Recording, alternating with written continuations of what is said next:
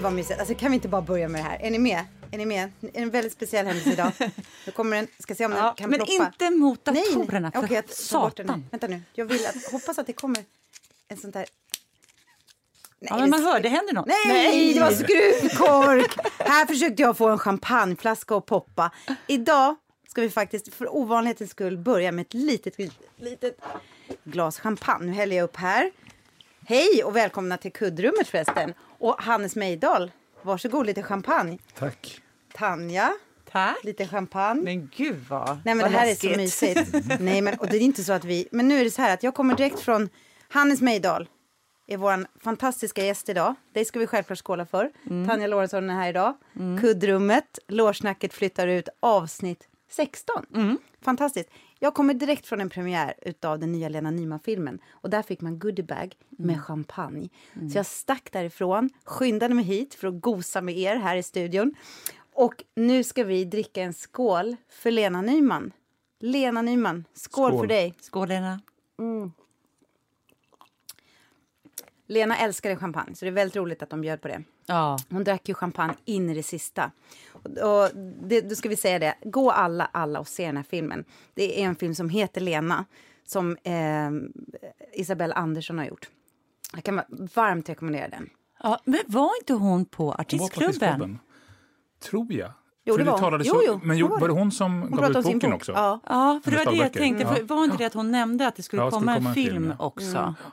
Och vi får ju gå artistklubben imorgon, men då, det skulle krocka med vårt rep. Men det kanske inte gör nu. Mm. Nej, precis. För nu ska ju Ja. vi repa på dagen Mm. istället för kvällen. Och vad, vi ska, vad ska vi repa då? Hannes? Maj, tre, fjärde gången i igår råkade jag säga Hannes spelar min maj, men du spelar min man i maj. Det är helt fan. Det är så roligt att du är här. Nu ska vi Men du, det är faktiskt oss. första gången som vi sitter med en gäst där vi alla tre är med i samma produktion. Ja. Slog det mig nu. Det skålade vi för också. Och skål för det! fasen. Ja. Skål för maj och Skål. skål för oss och skål för det här avsnittet. Mm. Åh, Oj, oj, oj. Underbart Oj, vad det här. Hur ska det här gå? Hur ska jag gå? Ja, jag är inte alls van att dricka så att... eh, Eller, Men du jo, tyckte om det filmen är- i alla fall. Men du, Hannes, var kommer du ifrån idag då? Jag har haft en sån här hopplös stökdag som tyvärr är ganska typisk för mig när jag är stressad. Jag, igår så var jag i ska säga, Västervik. Med, gjorde ett program med en kollega som är cellist, barockcellist. Det var jättefint att komma till en liten konsertförening med en ålderstigen publik som var deras första konsert nu efter coronan. Och det var fantastiskt att få, få möta dem och spela och läsa. Och så skulle jag åka tillbaka idag och glömde väskan på snälltåget och fick vända om och försöka hitta den där väskan. Så resan som jag skulle kommit hem i förmiddag så kom nu för en timme sedan. Nej, du skojar. Nej. Men vad hade du ställt väskan? Alltså, Jag ner. hade lämnat den på lilla snälltåget. Och det kom jag på på väg till Norrköping och så åkte jag tillbaka. Men då hade ju snälltåget vänt om till Västervik och skulle komma tillbaka sen. Och sen, ja, det gick i varje fall. Men du är lite så Hannes, Ja. precis innan här vi satt oss och jag har redan tappat bort min plånbok. Alltså det är, du är ja, och det är inte där. så där charmigt disträ utan kolerisk. jag, verkligen, jag liksom går ju och narcissistiskt hetsar upp med att makterna är ute efter. Så, Ja, ja, nu kommer det också. Mumlar och skäller på någon stackars kundtjänst idag. Men det här Nej, är vadå, så... alltså kundtjänst på tåget? Ja, när jag ring, ringde. För jag trodde de kunde skicka den till Stockholm, men det gick ju inte eftersom det var snälltåget. Mm. Så det var bara att snällt åka ner. Ja, ja, ja. Men det här är ändå förvånande. För om man liksom bara tittar på dig utifrån Ja. så verkar ju du så samlad, intelligent, smart. Man Tänk om hela här- den fasaden faller ikväll. Ja, men, Ja. men den har redan börjat Ja, falla för mig, för jag ska Åh, nej, berätta nu. Nej, nej. Nej, men jag måste Ja. bara gå upp direkt på det. För att vi brukar Ja. alltid fråga så här, vem, du, eller du, vem har du delat loge med? Ja. Jag träffade en gammal logekompis till dig. nej. Nej, vem då? Jag har bättrat mig med åren. Du vet vad jag ska säga? Vem Nej, ska jag kan säga? tänka, jag vet inte vem det är, men jag kan tänka mig att det är Gissa. stökigt. Uh, Staffan Götte? Nej, Kristoffer Wagelin? ja. Ja. ja, vad sa han? Vad tror du han sa? Att det var stökigt? Att det var stökigt, ja. Ja, nej, men det- Och jag blev så himla förvånad. Ja.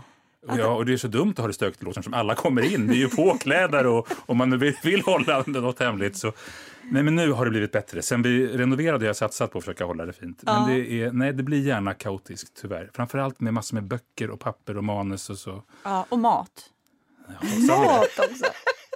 Men det är roligt, jag tycker att det är charmigt. Inte när då jag hade andra millårs, Nej. men alltså när jag hör om det och när du tappar bort så, jag tycker att det är charmigt. Det är någonting med det här Ja, ja, geniet som, Nej, som alla, nej, och nej. den här bilden, precis som du säger Tanja, Ja. det har ju jag sett igenom för länge sedan. Det, där, det, det vet ju jag att, att du, du är ju en väldigt intensiv, stökig människa, men du håller ju någonstans ett lugn utanpå. Ja. Vad skönt att bli psykoanalysen här. Nej, men jag började ju en gång som regiassistent till Torsten Flink och han menade ju att jag var mycket värre missbrukare än han. Nej. Jo, och det tyckte jag, men nu, vad menar du Torsten? Ja, Men du har ju inte hittat ditt missbruk. Det är de, det är de farligaste människorna. Men det ligger ju Men du hade det då? Jag missbrukarpersonligheten. hade den, som var precis, som jag, då, värre ja, som var värre. Ja. Men det var tror jag ett sätt för honom också att umgås. Att, Det är en ganska fet projicering. ja. Men har du något, känner du att du har någon typ av missbrukar eh, personlighet? Nej, men jag har absolut inte där, den, den, den ordnade personligheten som folk av någon anledning tillskriver mig. Ja. Och det där kommer vi komma tillbaka till Mm. faktiskt. Men Tanja, varför träffade du Kristoffer Wagelin? Det var ju länge sedan. Det är också en kollega till oss Ja, sägas. det är en kollega till oss som har delat loge då med Hannes Mejdal. Nej, men jag träffade honom för jag var ute och filmade Sommaren med släkten. Och jag är alltid på väg att säga Sommaren med Göran. För det Mm. kändes ju som nästan som ett karbonpapper. För att Peter Magnusson var där, samma regissör Staffan. Jag hade nästan samma typ av roll. Och sen så gör Kristoffer Wagelin den här eh, syrrans eh, man. Sommaren med släkten, den går på TV5, eller hur? Ja, Jag tycker den är jätterolig. Har du sett Nej, den? sett den. Jag tycker faktiskt den är väldigt lyckad. Ovanligt lyckad för att ha gått så många. Ja, och det ska jag säga att min familj har ju följt den. Mm. Alltså det var ju barnens favorit. Alltså det var någonting vi kunde enas om att titta Mm. på när alla ville titta på tv tillsammans för att ha så här mysig fredag. Då var det Sommar med släkten. Så jag har ju tankat varenda avsnitt. Förutom sista, sista säsongen. Den Men har du varit på. med tidigare också eller är det först nu? Det är först nu det är sån här gästroll. Och Jonas Malmsjö var min man. Det var supermysigt att träffa honom också. Men du, den där konserten, jag måste ändå bara eh, säga, alltså, jag såg ditt inlägg där och just det här, den här första upplevelsen med publiken igen. Ja. Vi har ju faktiskt haft det, eh, även på teatern. Och då tänker jag på Yttersta minuten och på Li Strömquist. Vad heter den nya? Liv Strömquist tänker på mig själv, eller tänker på sig själv. Ja. Eh, ja, vi hade Som ju... är så väldigt publikberoende också. Nej men alltså om vi ändå ska ta det så hade ju vi, vi hade ju nypremiär igår, söndag, men vi hade ju första publik i lördags. Och det, jag var inte beredd, jag har ju hoppat in i den. De körde några gånger i höstas och så har jag hoppat in. Och det är ju väldigt roligt. Men vi hade ju repat några, några få gånger och, och ingen publik. Och de hade bara kört med 50 innan. Och så skulle vi ha genomdrag, alltså det är genrep faktiskt, på lördagen. Och eh, jag var ju, alla var fokuserade på sina uppgifter. Det var liksom så här, vi, vi var ju, vi var taggade, vi var glada. Men det var helt överväldigande. Jag, vi har inte upplevt något liknande. Så alla ni som var där i lördags, det var ju den här, när det blir att publiken var, de, de visade så, det var som ett krigsslut. Det var som Kungsgatan 45. Det var som att alla visste att nu gör vi det här tillsammans. Jag, på riktigt, det var, det var överväldigande. Och sen var det ju såklart en fantastisk föreställning på söndagen också. Men det var någon överenskommelse om att nu är vi tillbaka. Mm. Så, det, så att eh, den ska bli så rolig att spela. Men hade inte vi precis Jo, samma liknande. upplevelse Ja, på på Yttersta där framförallt Ja, ja. Det blir som en omfamning i hela rummet. något Ja. Det var faktiskt, jag tror att, att det var en av mina mäktigaste upplevelser. Och det är ju inte för att vi gör speciellt Nej. mycket, för vi är ju jätte, jättemånga på scenen och är små fragment av en jättestor mosaik. Men, men det var, det var sån, alltså för mig också så här, i kulissen så, så stod jag ibland så här och kände hur jag nästan började gråta och jag skrattade. Alltså det, det var som att alla känslorna låg precis utanför huden. Och sen applådtacket. Och, och tänkte på det också, när, när någon var rolig Ja. det var inte bara att publiken skrattade. Utan de skrek ju. De skrek som att det hade blivit ett mål i VM. Alltså det, var något så här, det var så taggat från bådas håll, både scen och salong. Och Ja, och det så kände grät. vi aldrig riktigt med när vi hade 40 personer i publiken. För då var alla så, så klart utsatta också. Man sitter ensam Ja. i en liten oas. Och nu ska ju vi få möta... Ja, men nu har vi två starka öppningar på Dramaten. Jag såg ju er pjäs, Yttersta Ja. minuten. Jag tyckte det var otroligt roligt, underhållande och rörande på alla sätt och vis. Så den är starkt rekommenderad. Och Liv är ju, det är ju det är liksom en, en pärla. Och så kommer vi med Maj om en vecka. Nu kommer vi, alltså det är det, det premiärerna bara går så här dunk, dunk. Vi har liksom en hel bank som vi bara... Ja, men Hannes, du har faktiskt inte fått en riktig presentation. Vi har ju börjat skärpa oss med det. Men då eh, kommer du få en lite annorlunda presentation.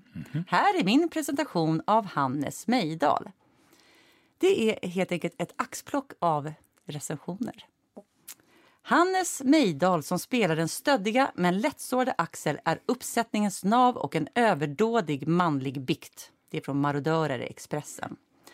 Hannes Meidals protagonist Basarov är ett porträtt som brinner av frustration över världens tillstånd. Fäder och söner, svenskan. Hannes Meidal, tar tonsäkert avstamp i textens precis hejdlösa absurditet när han låter den explosivt ömklige pappan krackelera av bortträngda minnen av lekfullhet, kärlek och musik. Vilken är det, tror du? Ensam och Esmeralda, Martina Ja. Montelius. Exakt. Eh, eh, Mejdal ger en underbar uppvisning i ynkligt självbedrägeri. Han är uppenbarligen redo för några stora, köttiga Norénroller. Vilken är det, Ellen? Jag vet, är det maj? Nej. Det är maj. Det är maj Wow. i svenskan. Jag har inte läst. Jag är Nej, det var det klar. jag tänkte. Jag- Hannes Mejdal spelar Hamlet med desperat energi, förtvivlan och ett själväckel som är makalöst. Det är såklart Hamlet på Teater Galeasen. Och här kommer en till. Hannes Mejdal som politiskt deprimerad Hamlet briljerar i teknik och känsla. Hans spel har både kropp och intellekt. Det var från DN av eh, Hamlet. Och sen kommer här nu den sista. En allvarlig Hannes Mejdal bidrar med den klassiska monologen om att vara rolig. En skrattfest som leder tankarna till den gamla goda tiden. Martin Ljung! Vilken är det? Har du läst Ja, den? det var nu yttersta minuten. Idén. Leif Cern. Där fick du en, Det en där helt var en väldigt annorlunda... trevlig egotripp. Tänk om det var de, de citaten man mindes när man tänker på recensioner. Eller hur? Har du några som du minns? Några ja, andra? Ja. Har du? Ja. Kan du dra dem? ja, men det värsta i den vägen var... Man, vi gjorde ett dockhem för några år sedan och det blev en jätteflopp och det var regissörsturbulens. Och, nej, men det var liksom jobbigt som det var. Och jag spelade den lilla rollen som doktor Rank så jag, och jag hade just blivit pappa till mitt andra barn. Jag tänkte det kan inte vara... Jag, jag, jag var inte så liksom involverad ändå hur jobbigt den var. Jag trodde jag hade mitt på det torra. Men sen var recensionen i Dagens Nyheter, jag tror rubriken var borde inte få visas. Och så var det en stor bild på mig. Med cigarr. Så det, det, är liksom, det, är det, det är det värsta. Liksom ett yrkesförbud borde, borde läggas ut. Som är så här, på baksidan av Ja. cigarettpaketet Ja. kan orsaka skada. Ja, Nej, men det- är så märkligt med recensioner. Som, det- det är jättefint att höra där också. Jag tyckte det var så roligt idén kring yttersta minuten. Men liksom, ibland så är man med en halv minut och så får man några meningar. Och ibland så gör man en jätteroll som inte nämns. Och det, det man får komma ihåg när man blir ledsen att det är, det är lynnigt. Ja. Det är jag har faktiskt en fråga Ja. som jag tänker haffa utifrån de här citaten. Eh, det är utifrån den här minuten som du har då, där du pratar om det här med att vara rolig just och att, att du är kanske liksom lite mera ses som lite torr och tråkig. Men eh, hur, hur tänker du kring det? Vad har du för liksom, självbild av dig själv som skådespelare? Ja, till att börja med, alltså det, man säger ju att varje roll är en förolämpning. Och det, Mattias leker ju med fiktionen att vi i den här föreställningen alla har kommit med våra egna minuter. Riktigt så enkelt är det ju inte. Han har ju skrivit ett manus inspirerat av hela ensemblens associationer kring ämnet. Så den här bygger på hans idé att det kommer in en skådespelare som ser sig som tråkig. Och sen har jag skrivit om texten lite, men det är klart att det är den ultimata förolämpningen för att göra den, den tråkiga skådespelaren. Och, och det sätter fingret på någonting självbildsmässigt som jag liksom har, har dragits med tror jag länge och i, i min självbild som skådespelare. Att det, det har varit svårt att att tro på den riktigt själv. För jag började som jag sa som regiassistent till Torsten Flink. Eh, Då hade jag pluggat teatervetenskap och med Torsten så blev jag, jag blev någon slags eh, prudentlig motvikt till honom. Jag var regiassistent på Dramaten också då för 20 år sedan där han var ett skapande genialt kaos. Och jag var hans ordentliga alibi som gjorde det möjligt för honom att vara det där kaoset. Jag Då var den du som- bara 20. Ja, 19-20 år någonting. Oj. Och det där liksom, på ett sätt var det helt fantastiskt för jag kom så nära teatern och eh, jag lärde mig otroligt mycket av honom och jag kom in på Dramaten och jag träffade massor med spännande människor. Men det var att komma närmare en skådespelaridentitet var det inte. För jag plötsligt såg mig som allt det som inte kunde bli skådespelare. Och det var samma sak när jag sen väl vågade söka scenskolan, vilket jag gjorde i smyg. Och i tredje provet det var någon avspänningsövning där jag var så anspänd att jag fick en någon muskelbristning i knät eller något. Vilket ledde till att jag, jag gick vidare men i fjärde provet hade jag kryckor. Och har jag ju förstått sen totalt räknades bort av mina, mina medsökande. Det var ju liksom något inkvoterat märkligt som gick runt på kryckor. Och, det där liksom har, och sen när jag då väl kom in också, konstigt nog, så var det liksom, kunde det komma fram lärare och andra och säga att det, nej men vad, vad bra, att, vad roligt för skolan att du kom in underförstått att skådespelare kan du inte bli, men det är nyttigt för dig att se den här verkligheten. Så liksom det har funnits något sånt där, att jag inte riktigt har kunnat våga säga att jag skulle, ville bli skådespelare och sen när jag blev det att jag var det, utan det var länge mer diffust. Håller på med teater och underförstått ofta från folk att egentligen ska han bli regissör eller mm. teaterchef eller något annat. Ja. Men skådis men passar det, där, inte. det där ligger riktigt djupt i vår eh, skådespelarkultur tycker jag. Det där med intellekt kontra känsla ja. och liksom, jag kommer ihåg, vi gick ju på scenskolan samtidigt. Ja. Uh, och, eh, nej men var, och jag vet inte, hade, då hade, hade du redan skrivit boken med Keve, den ska vi också ja. prata om sen. Mm. Ja, så du kom liksom, du, du, kom, du hade skrivit en bok. Det är liksom aldrig populärt. Det här, nu, betänk att det är länge sedan. Mm. Saker och ting har, ja. som tur är, faktiskt utvecklats. Men på den tiden, och jag förstår inte riktigt var det kommer ifrån, om det är vårt bondesamhälle som direkt gick till ett IT-samhälle. Men just det här bildningssamhället i Sverige har ju aldrig sett som, som något bra eller något positivt, utan det har varit eh, kulturelit. Det har varit något dåligt, eller all form av elit eh, ja, som inte är fotboll. Och när du kom in på scenskolan så, så vet jag att jag, jag kommer ihåg, jag kände inte dig, men det fanns där att ja, han är, han är typ kulturvetare eller något sånt där. Och sen, det har jag berättat för dig förut, sen kommer jag ihåg att vi hade ett spex. Det var så här, för du var liksom så smarta typen, så här, en smart kille. Och sen så har ni skulle spexa för de som kom in mm. och då, då tar du av dig kläderna och under denna hjärna så är det bara så här typ Stålmannen-kroppen och alla tjejer blev helt galna. alltså vi bara, men vad fan, han är ju, han är ju skitsnygg. Det var verkligen så här, och då var det så här en tilt i allas hjärnor. Så här. Det var både hjärna och och kropp i samma. Det var ju fantastiskt. Ja, trevligt att höra. Men jag minns att vår, vår lärare, professor då, Christer Henriksson, han sa till mig efter det spexet att du kanske kan bli skådespelare. Men visst är det hemskt? det ja. Men det är det jag menar. Ja, jag det tycker... var ju efter ett halvår ja. när vi hade haft honom. Och det är klart att liksom den, det ifrågasättandet det... som jag själv ja. hade, men det också förstärktes i någon slags spegeleffekt. Men... Jag, jag frågade Christer om det sen och, då, och hur, liksom, vad menar Jo, men då sa han att jag kände att du liksom hade andra att du hade tvivel att du kanske mm. skulle bli någonting annat och då är det lika bra att provocera dig med det där. Men det var, det var väldigt sårigt. Mm. Men, men, men det är ju faktiskt vidrigt och jag tänker verkligen på det här med kroppar. Jag kommer ju precis från den här filmen med mm. Lena Nyman. Det handlade om kropp. Hela hennes karriär förstördes. Att det är någonting vi har med hur man ska se ut som skådespelare. Ja. Vad man ska ha för, för eh, tecken för att vara en skådespelare. Då är det ju liksom ångest, kropp eh, eller som tjej, anorexi eller någonting. Och så kommer du i något annat. Men jag hoppas verkligen, jag tror och hoppas att det inte är så länge. Nej, jag tror också det hänt. Ja, jag tror det. Mm. Men, men, eh, men det här med liksom eh, humor och, och liksom, vad har du för självförtroende i det? Alltså humor kontra ju, jag, drama. Jag skulle vilja göra mycket mer humor, men jag blir ju jätteskraj också när ni bjuder in mig till en podd med mina fördomar om en podd, att nu ska jag sitta och vara rolig. Och, alltså, det, där, det, det är klart att där finns det en, en osäkerhet kring hela den jargongen, men jag tycker det är roligt med med humor säger jag gravallvarligt. men... men jag tänker på, jag vet inte om ni minns det nu under majrepetitionerna. Ja. Som ju var oerhört lyckliga och harmoniska. Mm, ja. Du var inte med här Tanja, men det var precis innan, minns du det här? Vad jag ska säga? Nej, jag vet inte vad jag ska säga. Nej, men precis innan vi skulle bryta för uh, första coronavarvet. Ja. Så var, och alla var liksom rätt trötta och stressade och jag var jättecoronafärrad inte minst. Mm. Och så var det, vi repade där kafferepscenen mm. där i stort sett hela övriga ensemblen förutom jag var med. Och jag satt i salongen. Och sen jag tittade och sen så hade liksom Ellen lite genomgång efteråt. Och sen så bara Ellen regissör. Ja, Ellen Lam. Mm. Och eh, jag, oombedd så började jag ge mig in liksom och komma med lite, som jag tyckte, bra feedback. Och det var inget, jag tror inte att det var något konstigt i rummet. Men efteråt kände jag ändå, vad, vad, ta, liksom, vad håller du på med? Tänkte jag mig själv. Vem har bett dig komma och tycka? Liksom en kollega som går ut och tycker lite och säger, ja. ja så jag hade otroligt dåligt samvete mm. och ältade det där. Och även med ringde det, jag ringde flera ensembler så tog ni illa upp, det var ingen som hade gjort. Och jag tänkte, okej, okay, det är ändå ganska lugnt. Och så kom ju morgonen efter och då är hela teaterledningen där. Ja, ja. Och HR och jag tänker, men gud, vad har jag gjort? vad har jag gjort? Var det så hemskt? Men förutom du, för då var det ju att din dotter hade corona i klassen tror jag. Men Ja, de där minuterna innan, jag, innan Ja. jag förstod vad det handlade om. Jag, för jag hade liksom legat hela natten och ältat det där ändå. Så du trodde att... Jag trodde Men nu gud. ska jag sättas på Ja. plats. Nej, men, Men jag var ju nämligen den första på Dramaten som Ja. blev corona-isolerad för Ja. att det var corona då. Det här Det var, var ju den morgonen. exakt den morgonen. Ja. Och jag och hela min familj var ju satta i karantän Ja. eh, i över en vecka. Men, och det, var, det här var precis i början.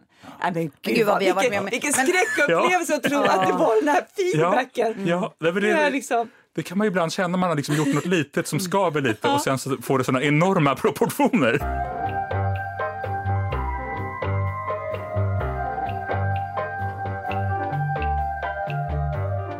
Du var, du var ju först. Först gick du scenskolan. Du hade börjat jobba på Dramaten innan. Jag var ju där som regiassistent då 2000, 2001 när jag var 1920. Och så gick jag scenskolan 03 till 07. Och så kom jag till Dramaten som skådespelare första gången 10.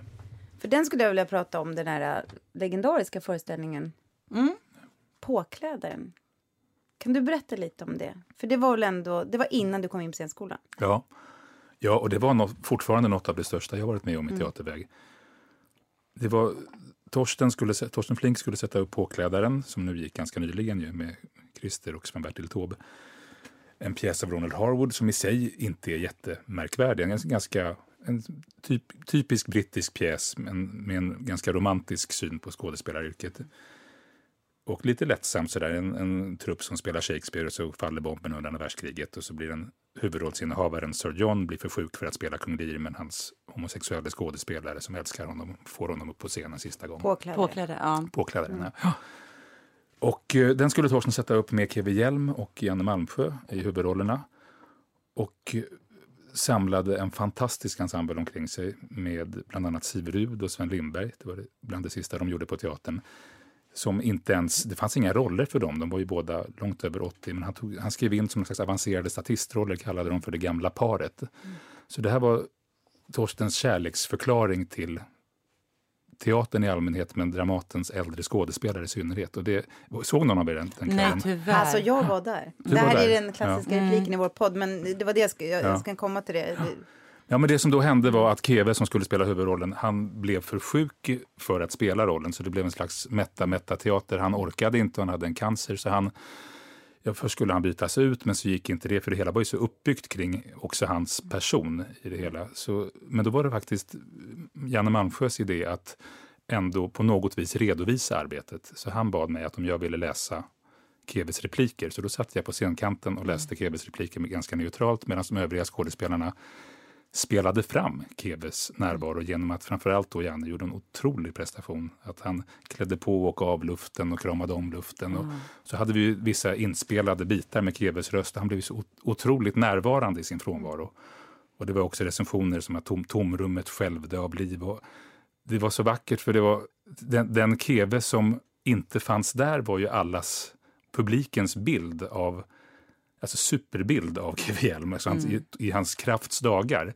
Vi som hade sett honom repetera visste ju hur trött han var och gammal, men nu när, man, när han inte fanns där kunde man projicera alla sina bilder av Keve på det. Så det och, och Siv och Sven som var helt magnifika gick och strödde höstlöv. Och, och jag, framförallt i efterhand har jag också blivit så otroligt imponerad av Torsten Flink som regissör. Vad han gjorde med, med den där som jag tycker egentligen ganska mediokra pjäsen. Och detta det är väl 20, ja, 17 år innan metoo.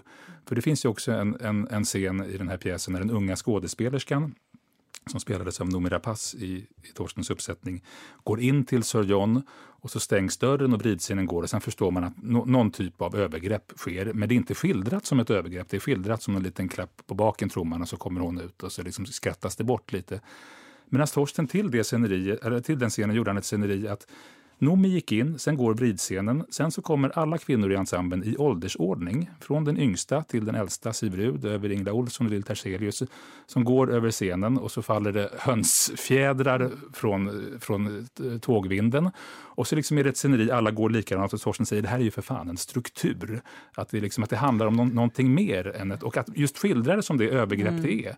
Och också det som i pjäsen är så unket. Det finns massor med homofobi och liksom bögskämt och det. Allt det tar han fram och gör det till, till, till någonstans huvudsak i den här Man skapar en liten värld som ska vara frisk i en sjuk värld. För nazismen pågår, liksom, i slutet av första akten så faller det skor från himlen, det är en skohög. Alltså han, gör, han gjorde den politisk. Mm. Det som i sig är en slags boulevardkomedi. Mm. Och det, det var stort tycker jag. Men vad var din, din bild som satt där? Nej men det var en otroligt stor upplevelse. Jag hade ju inte varit på Dramaten många gånger i mitt liv innan dess. Jag gick på scenskolan. Ja och eh, bodde tillsammans med, vi bodde i ett litet kollektiv och i det kollektivet så ingick Emil Forselius ja. som eh, var en jättefin vän till mig som tyvärr nu är avliden. Och han spelade, han gjorde praktik där tillsammans med dig Tanja. Så jag hade ju mm. sett dig också i Pälsänglar. Då kände inte jag dig. Och eh, en kväll då säger han att jag kan fixa så ni får komma till Dramaten. Så jag och Robban gick dit och Emil. Och och vi hamnade på den här föreställningen. Och efteråt så sprang vi upp i Emils loge och bara liksom, vi skrek. Alltså vi var, det var en sån otrolig upplevelse. Eh, och jag förstår verkligen vad du menar med vad Torsten kunde göra med pjäsen som gjorde att det gick rakt in i hjärtat. Du kommer att träffa alla de här fantastiska människorna och få så ingången. Jag, jag träffade egentligen först då via Nomi. Nomi och jag gick en liten improvisationskurs mm. via Södra Latins teaterlärare. Och i samma veva så jobbar Nomi som servitris på det som då heter Folkhemmet och där kommer Torsten in och han, ja, han erbjuder henne rollen som Berta i Fadern utan att hon har, han har sett henne, men så går det till. Mm. Och sen så småningom så behöver de statister till Fadern mm. och då så kommer då flera av oss i Nomis improvisationsgrupp tas in där. Och sen hade ju Torsten en sån otrolig begåvning också att att utnyttja människor är den cyniska sidan av det, men också att liksom erbjuda dem plats. All, alla vi som kom in där mellan 18, 19, 20 år. Det var en sån fantastisk skola. att Man fick, man fick vara på Plaza. Man fick, jag blev ju direkt regiassistent och så småningom blev jag fort teaterchef där. Det insåg jag att det handlade om att han skulle kunna låna pengar av mig utan att jag kände mig... Liksom, all, det var ju bara, bara dumt att jag skulle vara teaterchef. Men då fick jag betala taxibilar och kände mig lite mallig. Men det, han, vi fick vara med om teaterarbetet och han tog oss på allvar. och han såg, Det gick inte en dag utan att han sa till mig, vad, tänkte du om det där? Alltså, att, att, bli sedd på det viset. Och jag utnyttjade men också få möjligheten att vara med. Vi var ju alla, den här statistskaran växte ju. Efter ett tag var vi ju 20 statister. Sen var vi omgiven av en hord unga ja-sägare och mm. så småningom medberoende människor som gjorde hans missbruk möjligt.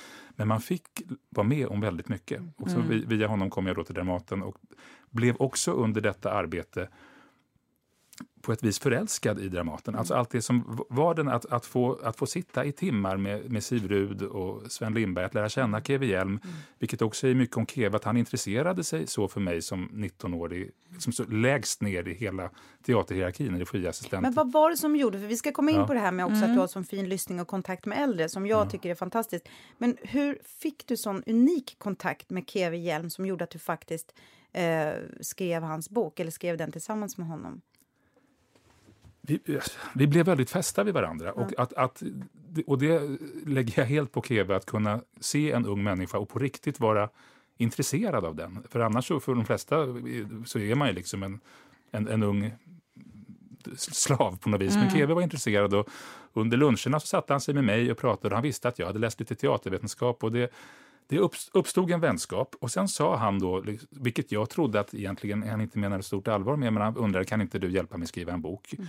Och då visade det sig att han hade ju försökt med detta många gånger i livet och aldrig riktigt kunnat komma i mål, tror jag, för att han aldrig ville bli färdig. Så att det blev just jag som gjorde det möjligt, tror jag, var att han var så pass gammal att han kände, ska det någonsin bli, mm. så är det nu. Och han behövde någon som hjälpte honom att, att strukturera det. Så vi började, det här Påklädaren skulle ha premiär 2001 och vi började jobba ordentligt då redan under sommaren och jobbade egentligen dagligen tills han dog 2004. Och det var ju ofta, alltså jag fick ju komma ut till Tullinge och sitta, alla papper var i totalt kaos. Mm. Och jag insåg också efterhand, vilket jag tyckte var väldigt vackert, att han har skrivit i stort sett samma artikel hela livet. Mm. och, men all, alltid liksom utvecklat den mer och mer. Men det, det, är samma, samma käpphästar som han försöker hitta ett sätt att formulera. Men det unika med dem är att det, det är formulerat utifrån hans skådespelar-jag.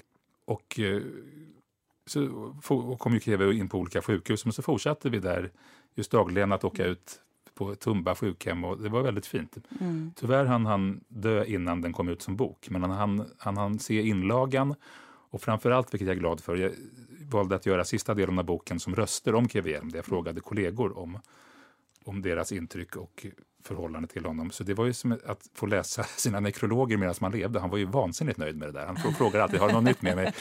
Och roligast var när Erland Josefsson, som jag också tyckte mycket om, han skrev en fantastiskt vacker liten och mycket generös text om Keve, för de hade följts åt hela livet. Mm. Och Keve hade varit ganska dum mot Erland, för de kom liksom från så olika håll, där mm. Erland från början hade liksom kommit från den borgerliga studentteatern och börjat med med Ingmar Bergman och Eva liksom varit det andra och alltid hånat Erland i olika panelsamtal. Och så. Men nu skrev Erland jättefint och jag, tror, jag tror jag minns till och med slutklämmen att Kevjelm är oefterhärmlig men lätt att imitera.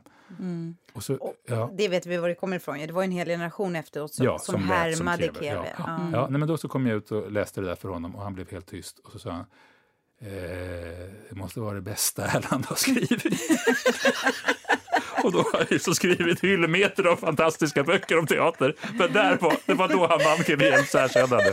Vilket jag såklart ringde till Erland och berättade, vilket han var road av. Men, oh, men det var något, något fint. Men tror du att det här var liksom, för det är precis som Ellen sa, du har ju fått en väldigt fin nära relation med många av de äldre. Ja. Tror du att det var den här ingången liksom i påklädaren som gjorde, eller har det liksom alltid varit så att du haft lätt att få kontakt med liksom, eh, från, den äldre generationen? Ja, från början hade jag väldigt nära kontakt med min mormor. Jag gick inte på dagis och fritids och sånt utan var alltid mm. hos min mormor. Så jag tror jag har haft lätt att, att umgås med äldre på ett sätt. Men så var det klart att där via, via Keve och, och Siv och dem att, att det fanns någonting.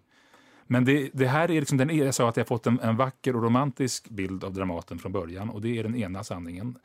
Det andra är ju att jag framförallt efter metoo har funderat över vad, vad, har jag i bagaget? Och då menar jag inte liksom sexuella övergrepp, mm. men däremot att det är jag som ser mig som en hyfsat, om inte ung så åtminstone medelålders och ganska modern man, att inte är längre tillbaka i tiden än att jag, när jag började mitt professionella yrkesliv, ändå liksom var i ett sammanhang som regiassistent till Torsten där Dramaten bad mig om att hitta honom på morgonen, se till att han inte är ensam i huset. Mm. Han får liksom inte vittja logerna, allt klä på honom, allt det där som, som för mig var helt normalt då. Det var mm. min ingång och det är klart att det har påverkat mig. Att någonstans så, så finns ju det i mig också. Mm. Det som vi idag bara skakar på huvudet åt. Och det där är också liksom en, en för mig både skrämmande och hisnande tanke. Jag tänker om 20 år, vad sitter vi då och undrar över vad vi låter passera idag? Alltså vad är vi blinda för idag?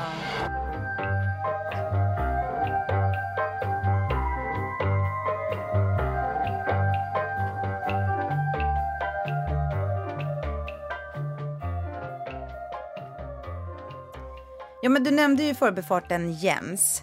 Jens Olin som är din parhäst. Mm. Hur, och, då vill jag säga att jag gick på scenskolan med Jens, Jens är skådespelare och regissör och ni har haft ett otroligt långt framgångsrikt samarbete och vänskap. Mm. Berätta lite hur det har uppstått.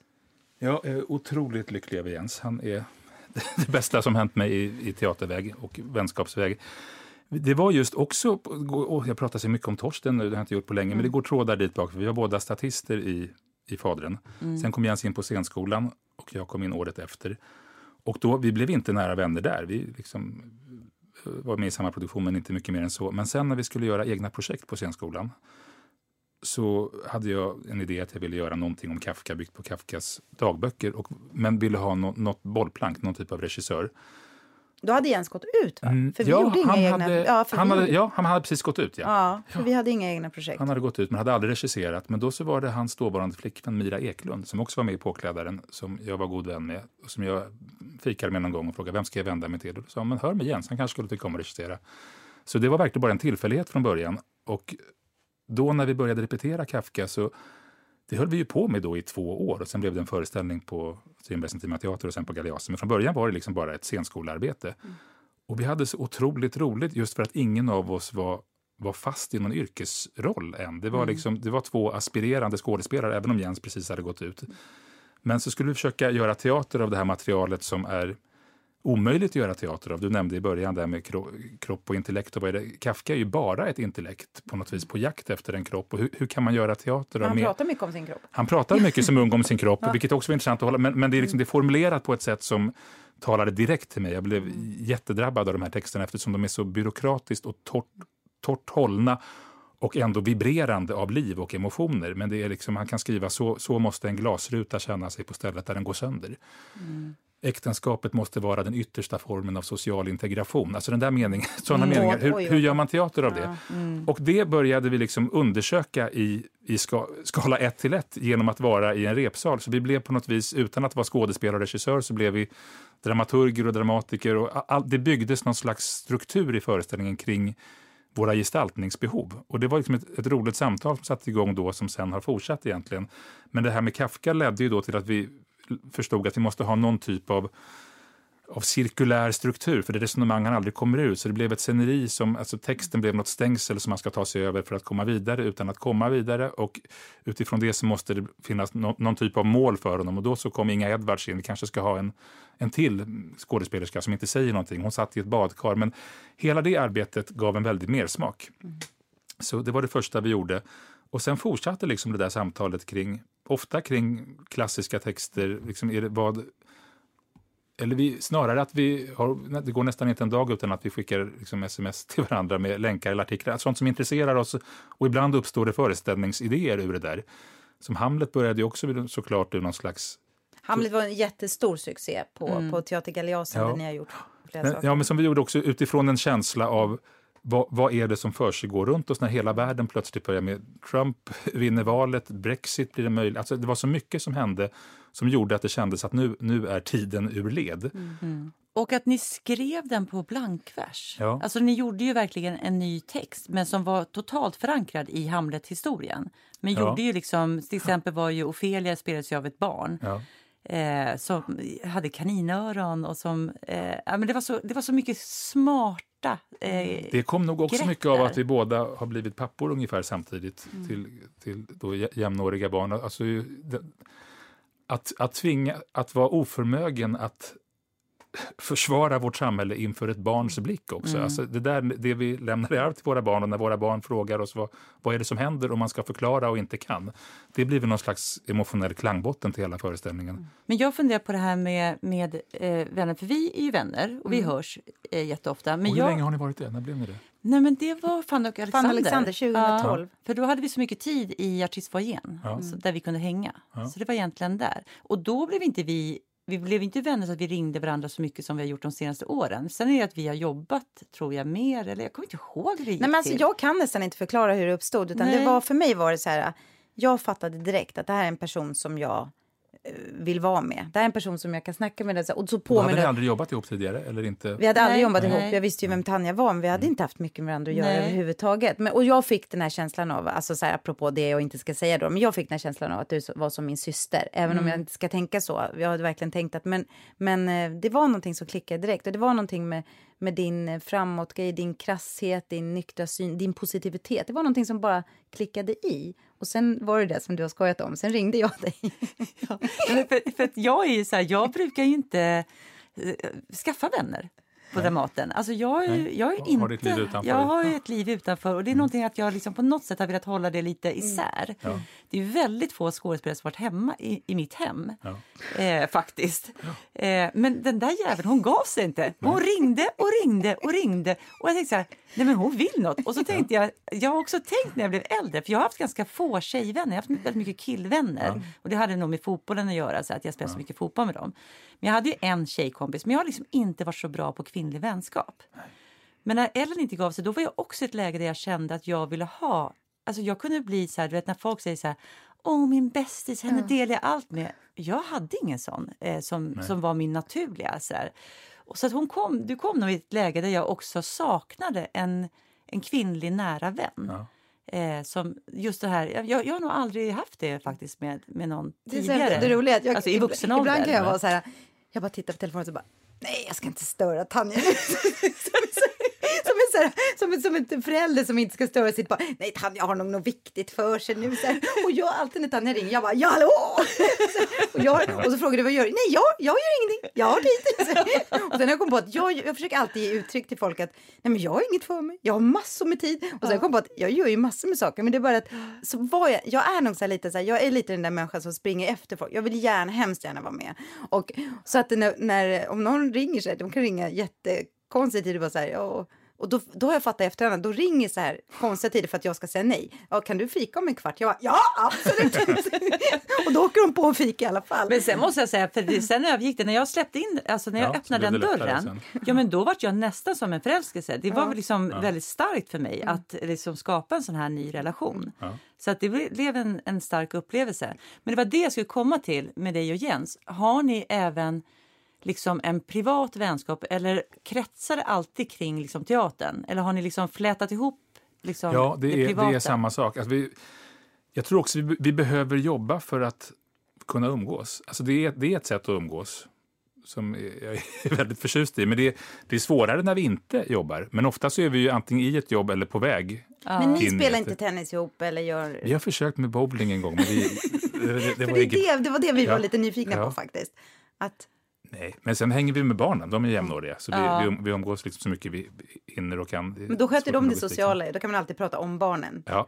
Men det där är så intressant, skillnaden mellan på ett sätt. Var det Men, men om det skulle Mm. liksom bli någon så här riktig kris, att du skulle bli väldigt, väldigt ledsen. Ja. Kan du ringa Jens då och liksom Ja. prata om det? Ja. Så att du kan dela liksom dina liksom känslor som kanske är... Alltså om någonting svajar Ja. till i livet så Ja. kan du ringa honom. Ja, För det är det väl det som är vänskap. ja, men, men eh, jo, det kan jag. Det är helt Ja. fantastiskt. Men vem, har du någon äldre som du ringer till nu? Ja, det är Inge Persson, Ja, det är kostymskaparen. det. Ja, Och du fick ju en så fantastisk present av henne. Ja, Nej, men det den fick var, ju, den var Ja. ju episk, den måste du berätta om. ja nej, men det är en av mina nära vänner och vi, vi hörs varje dag.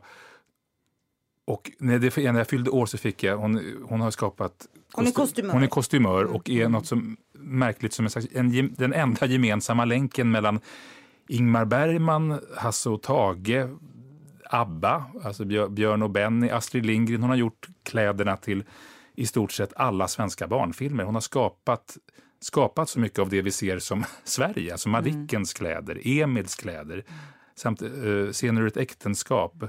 Björn och Bennys musikaler. Så allt, och eh, då fick jag nu i födelsedagspresent Erlands jacka från Tarkovskis Offret. Alltså det är stort. Ja, som jag Det- inte vågar gå i. Men jag vandrar runt hemma ibland. Den Du hänger måste på väggen. använda den. Ska Ja, inte Sa hon varför hon gav just den till dig? Ja, hon, hon ville att jag skulle ha den. Ja. Jag Men såg, känn, men jag, jag, vet, jag vill inte släppa det här bara med Erland. Ja.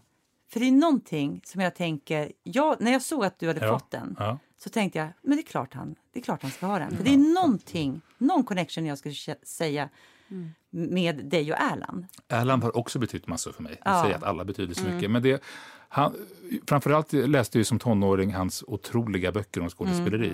Rollen och Svarslös och Repetitionen och allt vad de heter. Och då ring, ringde jag faktiskt honom. På, när jag gick på, det var väl i ettan på gymnasiet, jag var 15 eller 16. Och då, minns, då stod hans telefonnummer i katalogen. Jag minns fortfarande vad det var. Och då var han också så himla, för jag hade ingen connection med honom. Så nu var roligt att du har läst, ska du inte komma och besöka mig på Dramaten? Så då var första gången jag var på Dramaten. När jag var 15 någonting och fick besöka hans loge, som jag inte längre minns var den var. Det vet kanske ni. Det var inte i första korridoren. jag Jag vet inte. Nej, Nej. det var upp någonstans. Och från det uppstod också ett möte som, som blev något slags vänskap där jag besökte honom ganska ofta mot slutet och han kom och såg mina föreställningar. Och så han, jag tycker väldigt mycket om honom. Men det är ju otroligt. Du går på gymnasiet, Ja. Du är 15 år, ringer Erland Josefsson och sen i slutändan när cirkeln sluts så är du där på samma teater. Nej, men alltså det, du skulle, det skulle kunna vara vilken 15 år som helst som sen började jobba med Mecka med moppar egentligen. Eller jobba med Ja. något helt, jobba på bank. Eh, Men ja, det, men det, när, när är jag möter liksom un, unga människor som är teateraspiranter så brukar jag uppmana dem till de, ring. De flesta av oss står ju till och med nu på Eniro. Mm. Alltså sö, sök upp kollegor som av någon anledning, inte för att få jobb, men om du är intresserad. Och, det, det är mitt bästa tips till unga människor, för det finns så mycket där att hämta över generationerna.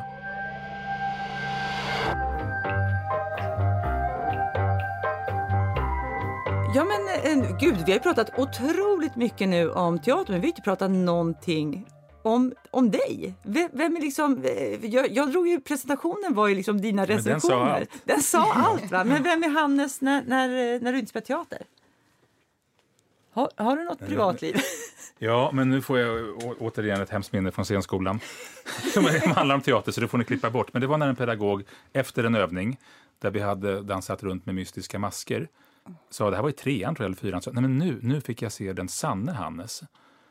Och det där var liksom en slags identitetskris för mig. Att vad, vad är det jag har varit då i fyra år? Och det säger så mycket om, om teater och teaterutbildning. Alltså tron att det finns någonting, någonting sannare som då också pedagogen i rummet har sett. Ja. Som det, och det beroendeförhållandet som det skapar. Jag tänkte på det så mycket med den här dokumentären som gjordes kring Solviksskolan. Ja, Alltså ja. att det finns ju något med, som liknar konstnärliga utbildningar. Jag, jag känner igen mig Alltså, jättemycket. vi har Ja. pratat pratat om den det. i podden. om den, för jag- eh, Ja. Jag håller med, jag, jag hatar Ja. konstnärliga högskolor. Ja, nej, och jag, jag hade det jättebra på scenskolan, så jag ska inte säga att jag hatar det, men det är ju något med nej, men, en pedagog och sen törstande elever som då är, Ja. behöver den här bekräftelsen och det, man vet inte vad det är. Plötsligt Nej. var någonting sant. Och det är klart att jag vill visa en annan bild, eller något som jag inte visat tidigare, men att det skulle vara sannare värjer jag mig emot. Ja. Men det var inte svar på din fråga. Nej, men det är mer så här, vad, vad gör du liksom när du inte är på Dramaten? Har du någon... Jag försöker vara så mycket som möjligt med mina barn, ja. som är 9 och 11. Och hinna med läxor och aktiviteter. Och just nu så såklart tar ju det upp det allra mesta. Men eh, Men har du, du har ingen annan hobby du kör? jag, hade, alltså jag sjöng ju alltid i kör som barn, men det är så himla svårt att kombinera med vårt yrke. Med kvällar och givna tider. Men det, det saknar jag. Jag spelar piano ofta hemma. Jaha. Du, men du, så du, du kan sitta och liksom ja, bara... så av, terapeutiskt liksom av, Ja. av, avspänningspiano. Men, men då undrar jag, den lilla bagaren? Vart tog han vägen? Det var ju det här vi ville komma till, Ja. den lilla bagaren. Har jag pratat med lille bagaren? Hur, hur känner Nej, du till alltså lille bagaren? är att vi, vi, det kom ju fram att vi hade ju Ja. en gemensam Gunnarssons? Nej, Doris. Doris Doris. Gregorowski. Ja, För att ja kom ju, du frågade mig, Ja. känner du till någon som heter Så. Doris? Ja. Jag, och den enda Doris jag kunde komma på var ju en väninna till min mamma. Som hon Fantastiska hade- Doris som ja. var gift med fantastiska Mischa Prigorowski som fyllde 93 tror jag häromdagen. Mm.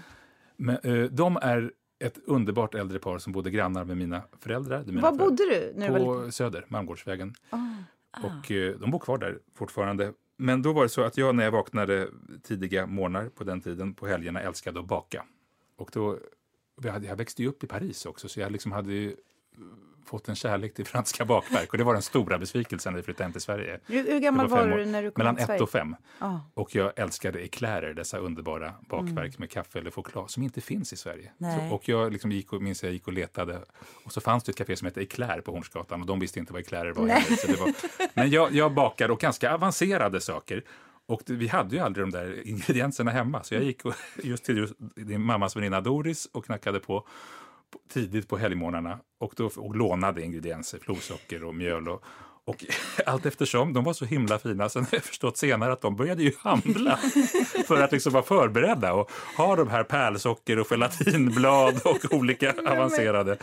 Så nej, men det var verkligen, jag ville bli bagare och fick faktiskt jobba sen på Gunnarssons. Det var mitt mitt första jobb. För Gun, när det var så jag kopplade till din mamma, för under oss och familjen Prigorowski bodde Sigrid Gunnarsson som var änka efter den första Gunnarsson. Jaha. Gunnarssons är ett Ett anrikt... eh, konditori nära scenskolan på Exakt, vi Götgatan. fikade när vi gick Ja. på scenskolan. ligger kvar än idag på Ja, Götgatan. sen så tog dottern över och nu har barnbarnet som också bor i huset tagit över. Så det är verkligen en familjefirma. Men där hade jag mitt första jobb och länge var det det jobb som min fru var, liksom, tyckte var mest okej. Hon brukade presentera mig för sina, sina vänner i kyrkan. Nej, men han, han ska bli bagare. Det var, liksom, det var bättre än det här med skådespelare. Men, Men var ni så unga när ni träffades? Ja, vi var 20. 20. men, men, eh, Mm. men var du hemma hos henne och bakade? Eller du gick bara hem till ingredienserna och så bakade du Jag hämtade själv? ingredienserna och så lämnade jag över sen lite av Ja. resultatet. Och varför, hur, hur, släppte du den här eh, konditor eller Men Den, den finns kvar någonstans. Men jag tror det var för tidiga morgnar märkte jag när jag jobbade. Ju, så man måste ju vara på plats väldigt tidigt. Ja. Men det var... Vi har alltid sagt att det är för Ja. lite deg i vårt yrke. Åh, kaching. Ja, nej, men det, och jag bakar mycket med barnen. Ja, det gör det? Ja, och, jag, och framförallt liksom konditorbiten tycker jag är det roliga. Det som Ja. är utan verket. Men, Men vad roligt, det vill vi alltså, äta. Kan inte du ja. baka något till Ja, våran... jag, kan, jag bakar Ja, till... baka en Ja, tårta. ja. Nej, men, Det Jag vill ha en tårta som det står Det, maj det, på. du ska ju baka Ja. de där grejerna som du säger i pjäsen. Ja. Vad är det du säger? Ja, Ja, sju sorters kakor. Ja, ja. det Säg är dem. du Kan som du är... dem? Nej, vi, vi vet ju inte vad vi ska ha för kakor. Nej, men säg vad som står i manus. Ja, Men det kommer jag inte ihåg Höstlöv. Är det något tung, kattungor? Nej, vad är det? Nej, eh, chokladlöv. Nej, jag kommer inte Är ihåg. det någon tunga? Gud, vi, ska, Nej, alltså, vi- vi, vi- vi, ska ha premiär i helgen så att det är bara att börja Ja, plugga det är bara att text börja här nu. Har ni pluggat den? Jag kollade igenom manus i, i förra veckan och det kändes som att det bara satt. Finns, ja. Nej, men det var skönt att vi hade den där veckan i maj eller när det var. Ja. Det ska bli jättekul. Mm. Ja, men Ja. vad kul. Men då Ja. är du faktiskt en fantastisk man. Du tar hand om barn och bakar. Det är ju det, är ju det vi tjejer vill ha. Eller hur? Den lille bagaren den, vill vi lilla, ha. den lilla bakaren. Ja, men hörni, jag tror vi börjar liksom komma lite till slutet här nu. Mm. Nu är det dags. Nu är det dags för vår lilla... Nu är det dags för vår lilla lek. Nej, men, det är inte vi, lek. vi brukar göra lite olika lekar här och, och ibland har vi lite så här, ja men vad skulle du välja, det eller det? Ja. Så att eh, Och det är en sån, sån dag. det, det här är en sån dag där den, den leken kommer. Ja. Så att du bara går på din magkänsla Ja. och så säger du, Och det behöver inte vara snabbt och vi kan resonera. Ja. Utan det här är verkligen här seriösa frågor. nej, nej men man, man får, man Man får får resonera och Ja. man får tänka lite. Du får börja. Jag börjar. Då är det så här. Skulle du helst vara med i Paradise Hotel eller Ex on the beach? Paradise Hotel eller Ex on the beach? Ex on the beach har jag ingen koll på. Paradise Hotel tror jag mig veta vad det är, men vad är Ex on the beach? Ex on the beach är väl att man träffas på stranden med sitt ex, att ens ex kommer. Och man ska väl helst liksom, ja, göra någonting sexuellt i alla fall med varandra. Och rulla runt i ja, sanden Ex on the lite. beach. Ex on the beach. Jättebra. Okej. Eh, vad skulle du helst vilja delta i? På spåret eller Alla mot alla? Alla mot alla. På spåret är min mardröm att bli avslöjad i. Varför det? Nej, men jag, alltså jag, dels, jag tittar ibland och har noll. Geografi är inte min starka sida. Nej. Nej, men att just att det ska fram, framgå hur lite man vet om saker. Ja, men, men Har du alla har du sett. Alla mot alla? Ja, någon gång. Det, det är Ja. vårt favoritprogram. Ja, Det är ja barnen gillar det också. Du skulle passa så bra där. Ja. Och vi skulle passa. Alltså Filip och Fredrik, de borde Ja. ringa till oss. Ja. En idé alltså. Vi Ja. skulle ju vara Vi lysande. kommer bli som Janne Josefsson och eh, Cecilia. Nej, men som, inte kan, dem. Jo, men som inte kan ett enda svar, så känns det. Alltså, det var, de var så roliga. Ja. De var så underhållande. Vi älskar er. Vi Ja. förstår att ni... Ja, Ja, och det här. Vad är du helst med? Sveriges sämsta bilförare eller arga snickare? Sveriges sämsta bilförare. För det, det, det var ungefär vad min körlärare sa till mig. Uppmanade mig att tänka på något annat. Det blev aldrig något körkort. Va, är det sant? Jag trodde det var det jag trodde. Ja. Det var därför de... Ja. Är det sant? Men du har ingen körkort? Nej, och vilket jag verkligen skulle behöva. Och det är din Det- fru som kör då? Det är hon som kör barnet och mig. Men det är det där med din motorik. Ja. Nej, men det, Nej, men det, vadå? Nu fattar jag nej, ingenting. men det är svårt med motorik.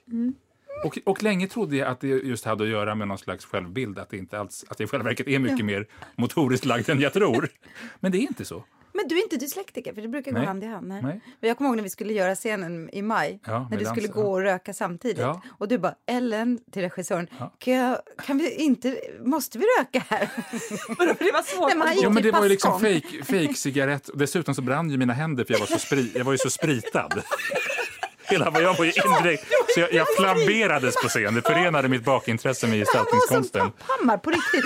Och han bara gick och så, och så, och så såg man på honom. Det Jag ska, ta fram, jag ska ta fram en cigarett, Ja. jag ska samtidigt titta på Ellen och säga en replik. Det Och sen ser han bara naturlig brann ut när jag har den här Nej. fake-cigaretten och den brinnande handen. Nej, det var Nej, för mycket. nej. Så köra bil, vi ska vara Ja. ganska tacksamma för att du, men det skulle bli väldigt underhållande i Det den. tror jag. Det kanske skulle kombinera min önskan att få skratt. Det är Ja.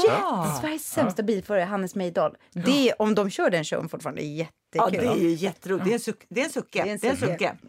Eh, här kommer nästa. Skulle du helst vilja vara med i Vem tror du att du är eller Över Atlanten? Nu vet jag återigen inte vad över Atlanten är. Nej, det, det, man tar ett gäng kändisar Ja. och så seglar man över Atlanten. Nej, nej, nej, nej, nej, nej, nej. jag, Och så, kommer, det, å- så kommer det ökenstormar. Nej, nej, nej. Jag, jag har åkt båt över seg- Atlanten en gång. Har du? Ja. Nästan utan kändisar. Tom Clancy, som var någon bestsellerförfattare, var med som kändis.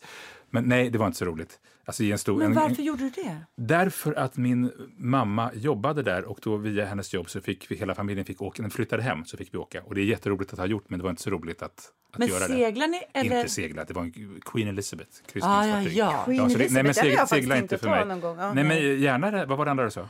Vem tror du att du är? Det är ju Ja, det är spännande. Det är, Det är ja, det tycker jag är spännande. Ja. Det är jätteroligt. Och vilket är du mest, helst med i? Idol eller Talang?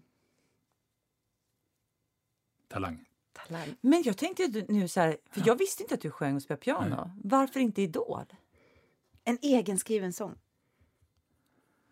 jag har sett, sett för lite för att tycka något, men det, det är något med hela det där att liksom ställas inför en jury som sen ska tycka saker, en underhållningsvåldsbit i det som jag tycker Ja, är, nej, men du ska inte vara med där. Det hör vi på sunkig. en gång. Nej. Ja, men, du, men, men vilken talang skulle du tävla med då? Bilkörning. Eller- nej, eh, talang. Slapstick Ja. tror jag. Eh, nej. Baka! Bakning. Ja, bakning. Ja. bakning Han kommer gör så här, vad heter de, eklärer? Eklärer, ja. Ja, eller något Petit choux, snyggt ja. liksom. Ja, nej, nej, nej. Jag vet, jag vet. ja. Med bara överkropp och baka. Alltså den sexiga bagaren. Ja. Ja, du skulle det. vinna direkt. Det skulle bli humor. Mm. Det skulle ju få, det skulle svälla degen. Nej, Ja. Mm. Nu kommer nästa. Eh, skulle du helst vara med i Gift vid första ögonkastet eller första dejten? Det är helt fel frågor till mig. Jag har noll koll på dessa program. Ja, det är det som är vansinnigt obildat. Jaha, eh, första, första dejten, vad är det? Då ska man bara... Då går man på en restaurang Ja. och så ska man träffa en okänd människa som Ja. de har försökt ändå så här verkligen Ja. matcha ihop någon med. Och då får du tänka att du inte är gift såklart. Ja, ja. Ja. Ja, Och, och gift i första ska man- då ska ögonkastet, man gifta sig med Då någon. gifter man Ja. sig och så ska ju så här psykologer också ha liksom nej, ändå nej, nej, nej, nej, matcha nej. Första, det. första dejten. Första dejten, är Ja. jätteroligt. Men det är, det är ett roligt program Okej. faktiskt. Robinson eller Sveriges starkaste familj? Sveriges starkaste familj. Jag kan inte heller vad det är, men Robinson fyller mig med, med avsmak. Men, men Robinson är ju så läskigt att komma till när jag Ja. dör. Alltså, Ja. Och vad, vad var starkast familjen då? Då det är, man, man tävlar i familjer, då skulle ni fyra alltså. ja. Tävlar mot så här crossfit-familjer, Ja. de är så lite maratonlöpare. Men det kan väl också vara kluriga saker? Man kanske kan Ja. klura på någonting. Ja. Ja, Men är jag är måste, är måste ni kolla in utbudet Men vadå, det, dockor. nu bara förutsätter vi att de inte skulle vara starka. Han är så jättevältränad. Tränar du mycket? Inte mycket, men jag har försökt göra det liksom regelbundet. Men det blir dåligt nu under pandemin dessvärre. Det är jag rädd för med kläderna vi ska prova nu i maj. Ja, ja, ja, ja. Det är så skoningslöst man kommer tillbaka till det och så är liksom, går ingen, inte stänga några byxor. Nej, Det har jag, vi jag, ju, om. jag fick ju ner mina har kläder. det, har ja, men jag det. sa det så här, jag Ja. måste få pröva brallorna. De var ju Ja, tajtare än jag innan. Eh, och jag fick på mig dem. Det var liksom en centimeter. Men, hade när har vi liksom. premiär på söndag? Om man inte äter någonting. Nej, men jag, jag, jag började faktiskt igår. Och sluta Jag äta. är liksom- ja, dra ner Gud på vad tänker ni, ni, apropå Ja. Ni ska se Lena-filmen sen, apropå banta. Det var det enda de gjorde förr i världen. Och det gör ju vi igen idag. Men, men vi, vi bestämmer det nu. Vi äter Ja. ingenting förrän på söndag. Nej, så vi kommer i scenkläderna. Jaha, jaha, är det jag nu? Mm. Här kommer sista. Ja. Vill du helst vara med i Hela Sverige bakar eller Bäst i test? Hela Sverige bakar. Ja! Det har jag faktiskt tittat på också. Ja, det är roligt. Men alltså du skulle passa så bra där. Ja, men, och där har de ju också så här eh, kändis, eh, Ja. Hela Sverige bakar. Ja. Men du kan ju också vara med i den andra. I, I någon annan kvot. Jo, men du kvotar nog in, vad heter det? Du kvalar in i den andra Ja. kvoten. Ja. Det är roligt. Alltså, du, ni hör, vi har ju, du vet att, att när vi har haft gäster här, Ja. då har du ju ringt castar och sånt till dem sen efteråt. Ja, Så vad att nu kommer, har fått jobb nu efter kommer det. ju Hela Sverige bakar ringa. Kanske inte Sveriges starkaste familj. Nej men sämsta Men bilföraren. eh, sämsta bilföraren. Alla mot alla. Kan, de har fortfarande inte ringt alla. oss. Så vi är lite sådär... äh, Tänk om de ringer Hannes först. Tänk om de ringer Hannes. Ja, men vi får Tänk vara om de glada. ringer Hannes och mig och frågar om vi vill vara ett par. jag, jag kommer vara glad för er skull. Ja, men jag har så mycket annat att vara bitter över här i livet. Jag... Nej, Det var men, min favoritreplik i Marodörer när det går så bra för min fru. och Jag känner, jag känner bara glädje. Att, att säga det hela tiden och verkligen mena det. Jag känner bara glädje. jag känner bara glädje. Bara glädje. Ja. Jag är så glad mantra. Ja. Men hörni, jag känner bara glädje för det här programmet. Det här Nej, har ju varit alltså, helt ljuvligt. Jag vill bara fortsätta prata för att som tur är ska vi så ses. Imorgon. Ja, imorgon. Redan imorgon bitti så ska vi ses. Men väldigt roligt och hedrande att ni frågade. Nej men alltså. Hannes, du är så underbar. Alltså på alla, alla sätt och vis. Jag ser så mycket fram emot att jobba ihop imorgon och Ja. att, att vi ska vara de här kollegorna som ska föra teatern framåt. Och var de här nyfikna gamla. När vi, Ja! liksom, vi är ju redan gamla, så Ja. ni kan ni, börja. Det är bara att kontakta oss. Ja, men jag ska... Nej, men jag ska tänka på att vara öppen mot unga. Det är det som är saken. Nej, Alltså, men det är nyttigt att påminna om när vi plötsligt sitter här och är tre medelålders. För jag tror självbildsmässigt är man, jag tycker ju fortfarande att jag är ny på Dramaten. Men hur gammal tror du Erland var när du ringde honom? Du var 15 Ja, år. nej, men det där Han är var jätte- väl 50 år då? Ja, typ. Nej, men det är jätteläskigt att tänka de där perspektiven. Att de, de som också var i min ålder när jag började på teater nu, som man såg som gubbar. Men är inte det också så här, det, uh, att underbart med vårt yrke? Att vi faktiskt ses i olika åldersspann. Alltså det är många som säger och det låter som man upprepar det men det är ju faktiskt det. Gud vad roligt vi har. Men vi ska tänka på det. Vi ska, vi ska intressera oss uppåt vi ska intressera oss neråt. Det är faktiskt vi som är i mitten nu. Vi har jättemycket ansvar. Men vi har också jättemycket inflytande. Så gud vad vi ska vara bra i höst. Men du, tack Hannes för att Hannes, du kom. Eh, Tack det har varit väldigt trevligt. Och tack till Ljudbang för att vi får vara här. Det är ju fantastiskt. Och tack till Theresia Billberg som eh, klipper så fantastiskt bra. Och sen alltid tack till Matte Bie. din Bie som gör musiken, musik. som dessutom gör musik till Maj. Mycket vacker musik. Ja, det är vår absoluta favoritkompositör. Ja.